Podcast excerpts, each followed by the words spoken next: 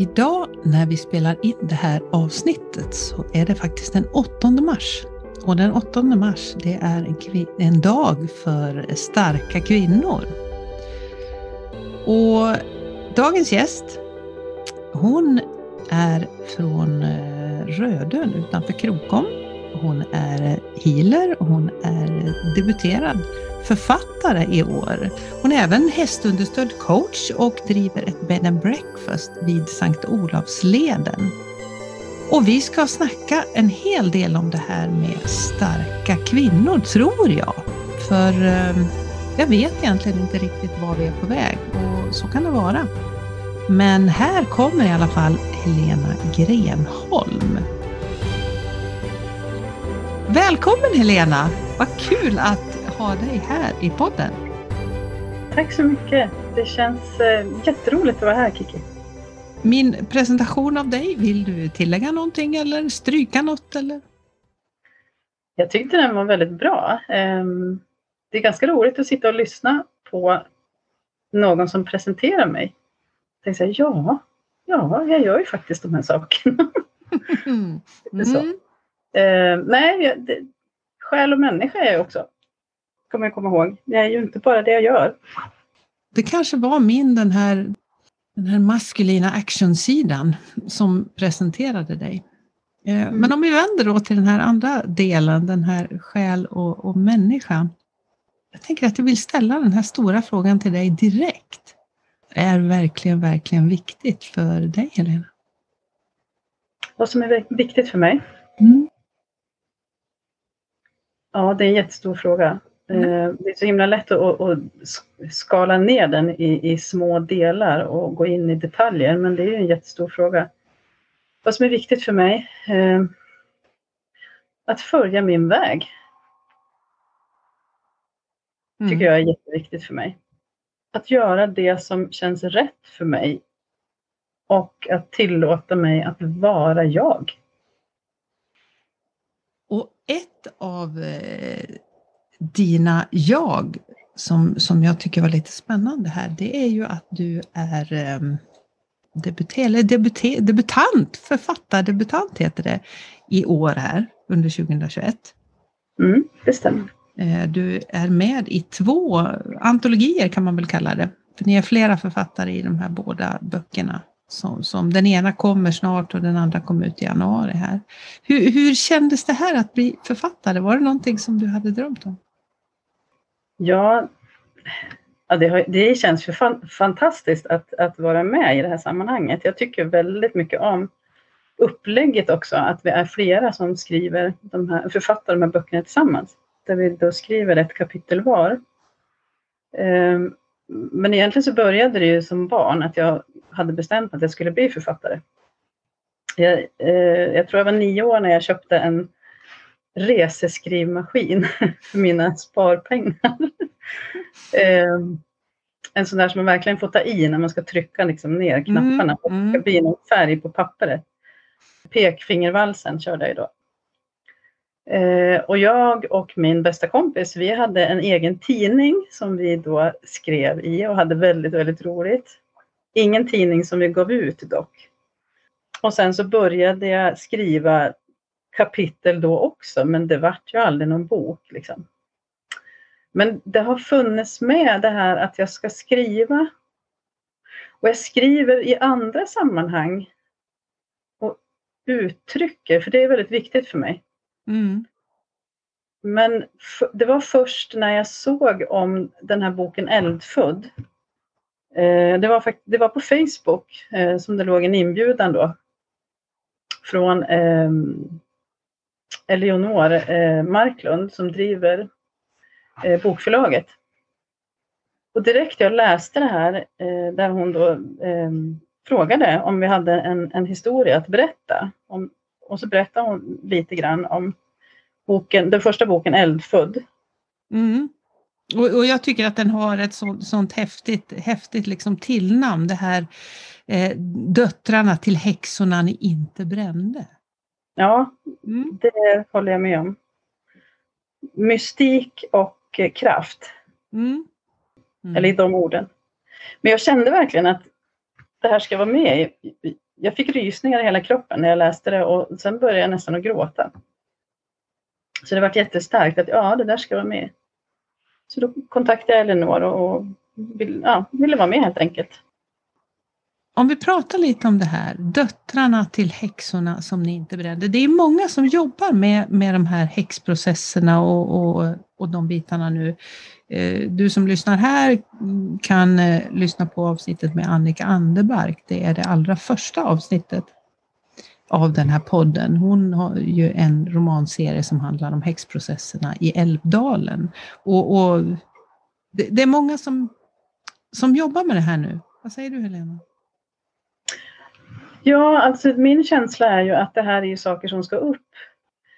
Allt som har legat i det dolda, som många människor kanske inte vill se, varken i sig själv eller i andra, det kommer ju upp idag. Det handlar ju om att våga vara de vi autentiskt är. Istället för de som vi tror att andra vill att vi ska vara. Mm. Och vi är i en sån tid, i ett sånt skifte. Där, där vi går mot att vara våra autentiska jag istället för något annat.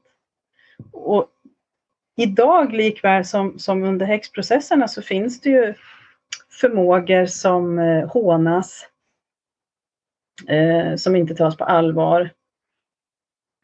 För att det finns inte, som många säger i alla fall, det finns inga vetenskapliga belägg för att det fungerar. Mm. Men det är ju en sanning med modifikation för att det finns ju kvantfysiska lagar där man faktiskt bevisar att, att energier, allt är ju energi. Mm. Jag som healer till exempel, jag jobbar ju med energi. Mm. Så för mig är inte det så konstigt. Liksom. Var, varför, tror du, varför tror du att det här Ja men att, att det här väcker sån jag vet, jag vet inte, vad är det det väcker egentligen? Väcker det rädsla eller väcker det Eh, ja, om man tänker tillbaka på, på häxprocesserna och så, det var ju ofta sådana här saker vad jag förstår som, som gjorde att man blev bedömd att vara en häxa. Att man hade mm. krafter. Men, men vad jag förstår det kunde ju vara både läk, läke, att man kunde läka både fysiskt och hela på olika sätt. Vad, vad var det som skrämde tror du i det här? Jag tror det handlar om makt, maktstrukturer. Mm. Samhällsstrukturer där man vill kontrollera människor faktiskt. Jag tror att det handlar väldigt mycket om det. Mm. På den tiden då var det väl den, den eh, kristna samfundet och, och, kyrkan som, som eh, ansåg att häxerier var sammankopplat med djävulen till exempel. Mm. Men, och då blir det ju en väldigt negativ och mörk eh, sida som plockas fram av det här med häxkonster. Men, men häxor har ju eh, som du säger, helande och läkande förmåga. Mm. Och, och, och, hur det skulle på något sätt kunna vara sammankopplat med mörkret, det, det är ju för mig eh, en gåta. Mm. Så, så, jag kan ju inte se det på något annat sätt än att det handlar om faktiskt att hålla människor i en maktstruktur. Mm. Där man vill kontrollera människor helt enkelt. Tycker du att, eh, att, att vi ser det här fortfarande idag eller? tänker på att vi säger att det är aktuellt. Ja, jo, men det öppnar ju upp så mycket mer. Alltså det är så många fler människor som, som öppnar upp för varje dag tycker jag för de här existentiella frågorna och det här med healing är det ju jättemånga som, som både ger och tar emot. Men det finns ju fortfarande en väldigt hånfull attityd hos många människor till det här, att det bara är humbug och på att man försöker lura människor. Mm. Eh, och det gäller ju inte bara healing. Och vi lever ju i den eran där vetenskap är våran religion på något sätt. Mm. Eh, men att, som jag upplever det så håller ju den på att krackelera lite. Mm. Ja, men jag tänker en sån här sak som eh akupunktur till exempel som har, det kan man väl säga att det har fått kommit in i, i, i finrummet liksom genom att det är, det är accepterat. Mm. Så är det ju. Men vad jag har förstått så när det kom på 70-talet så var det ju inte alls eh, ansett som något annat än, än eh, humbug. Och sen mm. har väl också västerländsk akupunktur, för det kommer ju från eh, Kina. Mm. Eh, men det västerländska sättet att använda akupunktur, vad jag har förstått, nu är inte jag utbildad akupunktör, men jag har ju tagit emot mycket sådana behandlingar och haft mycket samtal om det här. Så mm. förändrar ju liksom när vi i västerlandet tar emot den här eh, mångtusenåriga kunskapen, då förändrar vi den så att den ska passa in i vårt samhälle. Mm. Och då kanske vi gör om den till en smärtlindrande behandling istället för att vi tar hänsyn till alla dessa eh, energimeridianer som vi består av i kroppen. För att det är inte riktigt vetenskapligt bevisat. Mm. Så att på något sätt så förlorar vi kanske helhetstänket. Mm. Ta till oss vissa delar av, av en behandling men vi förlorar helhetstänket som egentligen är grunden hur allting hänger ihop. Mm. De här döttrarna nu då till, till häxorna, vad, vad, vad är det du berättar om i ditt? I din, i ja, Vill du säga eh, något om det?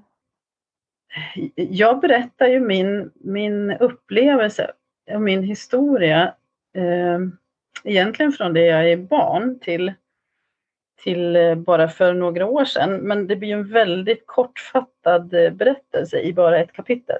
Mm. Mm. Eh, men det handlar ju om min resa Uh, hur ska jag förklara det? Det här är lite svårt att sätta ord på. Uh, mm. Att vi, vi, går igenom uh, lite skärseldsliknande upplevelser i livet för att blomma ut till våra autentiska jag. Mm. Och det behöver ju inte betyda att man berättar om att eh, jag var en häxa på 1400-talet, att jag varit bränd på bål. Det är ju inte det som mitt kapitel går ut på. Det handlar ju mer om resan genom elden och ut på andra sidan. Till att bli den person som jag ska vara. För det är ju många av oss som, som inte är de vi ska vara ännu, men att vi är på väg dit. Och när du säger så här att vi är på väg dit. Du driver ju också ett eh, bed and breakfast, även om jag kan tänka mig att det, det, är, lite, det är lite lugnt på den fronten och har varit här, här senaste tiden. Men den ligger ju alltså vid den här Sankt Olavsleden, alltså den här pilgrimsleden. Är det den som går till Trondheim? Ja, det stämmer. Mm. Den och, går från kust till kust brukar man säga. Från ja. Selånge då vid östkusten till Trondheim i väst. Mm. Så det betyder ju att du möter många som är på väg, precis som du säger. De är på väg, både fysiskt är på väg, men de är, och många av de här kan jag tänka mig är på väg också på sin egen resa. Ja, ja.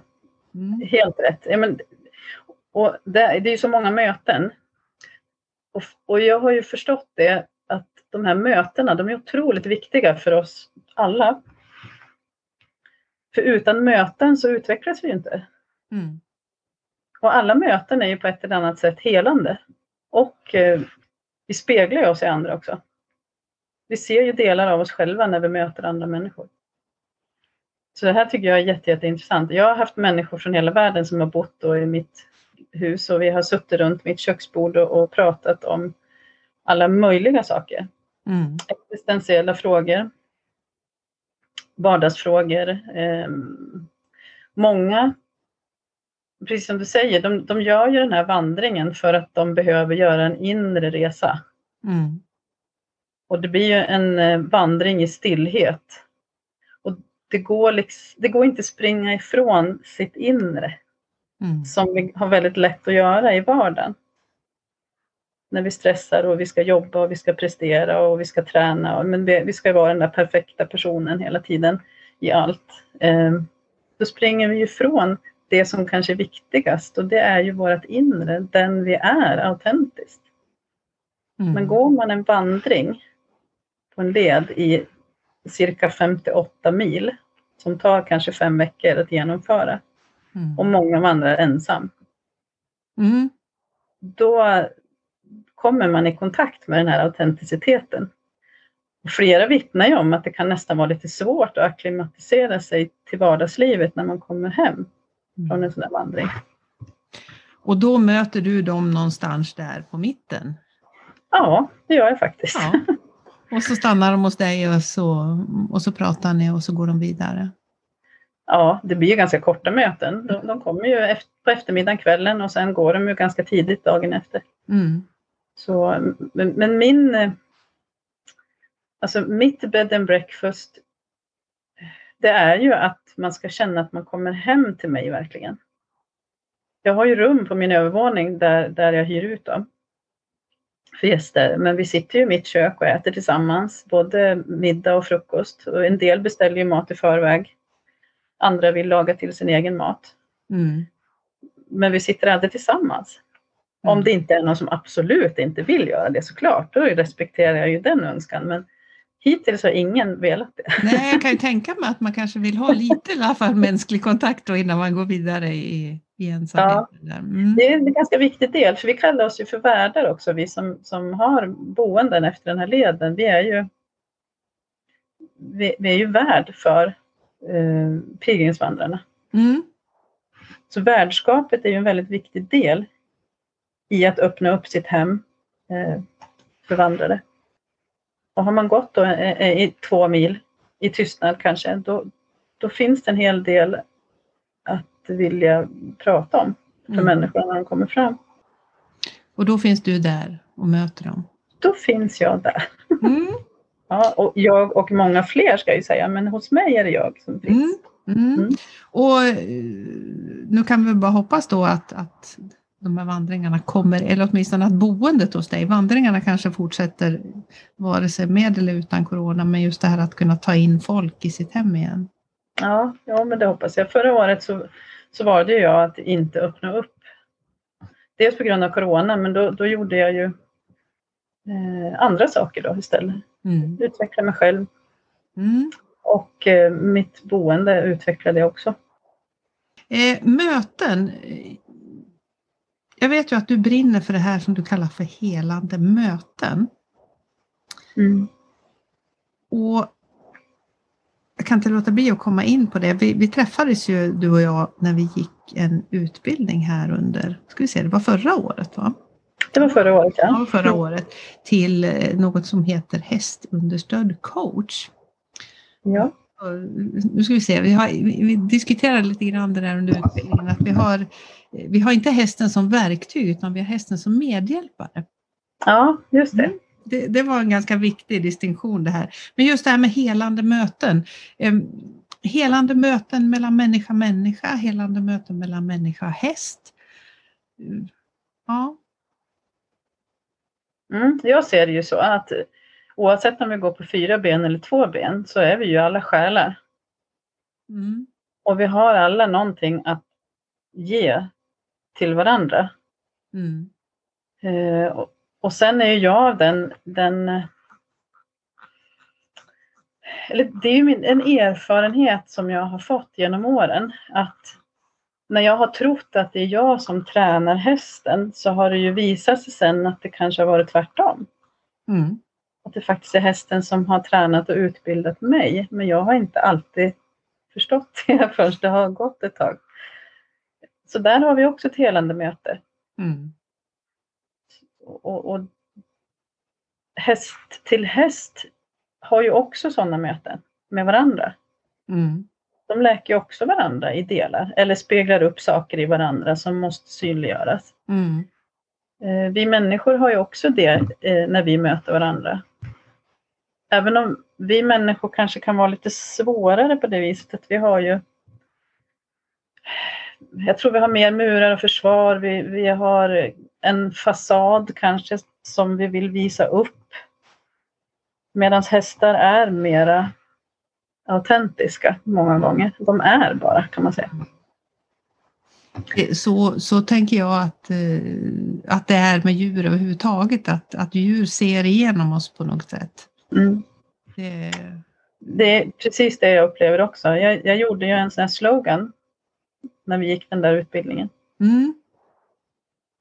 Eh, hästen ser vem du är innan du själv gör det. Med coachens hjälp att synliggöra det når vi resultat vi inte trott vara möjliga. Det tycker jag säger ganska mycket om just mm. att... Ta det där första igen, den där första delen, hästen. Mm. Hästen ser vem du är innan du själv gör det. Ja. Det är himla fint tycker jag. Ja. Och vi tror att vi kan lura hästarna, inte för att vi ska vara elaka på något sätt, men vi tror att vi kan vara någonting annat än vi är och att hästarna inte ser igenom det. Mm. Men med min erfarenhet nu så vet jag att det går inte. De vet allt om oss.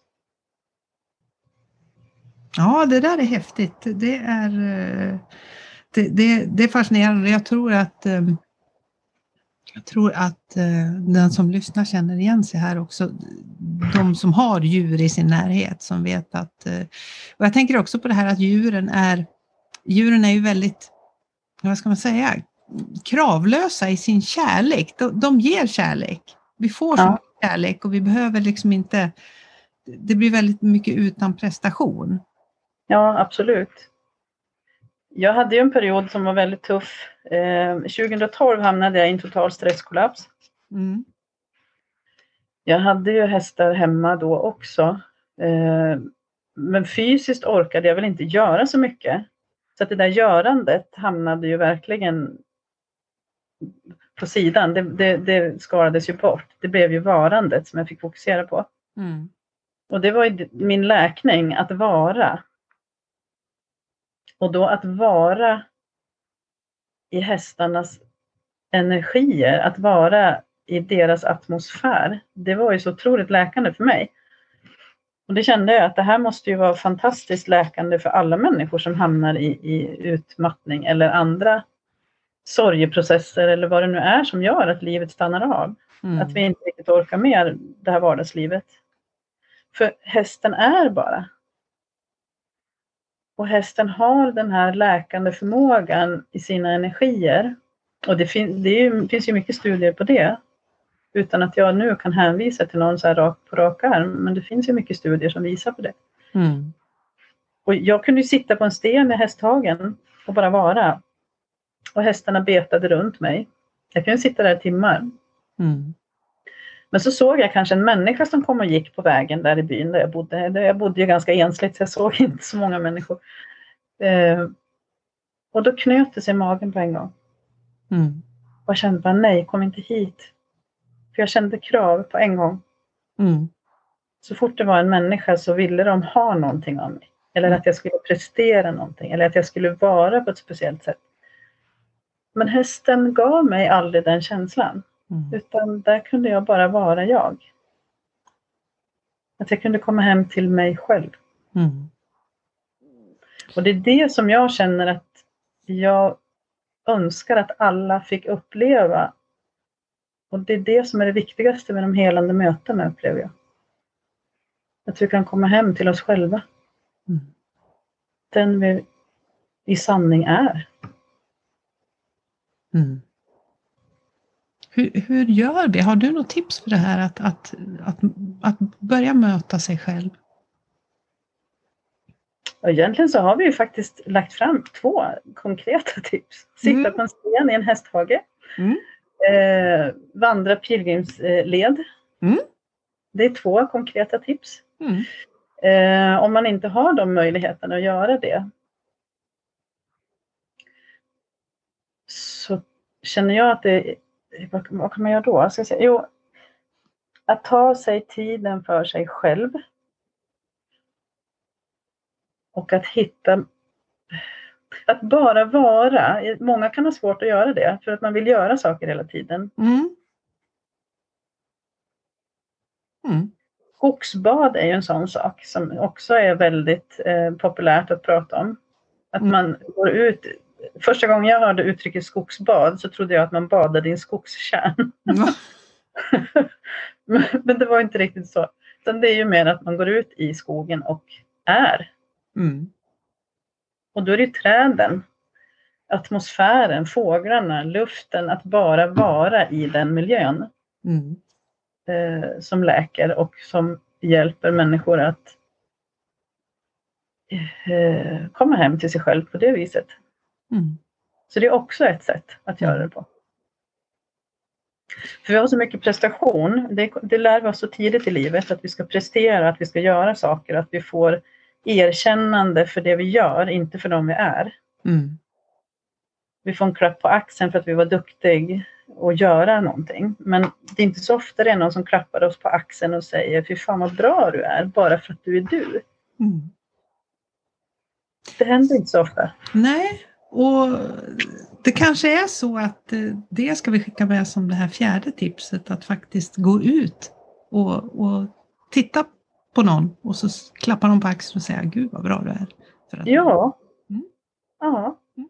Det finns ju, det tycker jag är ganska roligt ändå. För på en del affärer, det är väl matvaruaffärer jag sätter på, så det, har man satt en, en, liten sån här klisterlapp på eh, kortläsaren. Mm. Du är fint. Mm. Ja, då blir Eller... man lite sådär, då blir man lite ja. glad när man står där och tänker ja, ja, tack, tack. Och tänk vad lite det behövs. Mm. Egentligen. Mm. Mm. Ja, helande möten blev det här att handla om, tänker jag. Ja. Ett viktigt, en viktig del av eh, resan som är livet. Verkligen. Mm. Och en del som många av oss springer ifrån. Ja. Jag känner nog nästan att vi är färdiga nu. Vad tänker du? Ja, jag känner också det. Mm. Då eh, tackar jag för ett eh, helande möte här idag. Mm. Tack så jättemycket Kiki. Och lycka till med den kommande boken och med, med våren och sommarens eh, möten med vandrare och allt annat som du har för dig. Mm. Tack så jättemycket.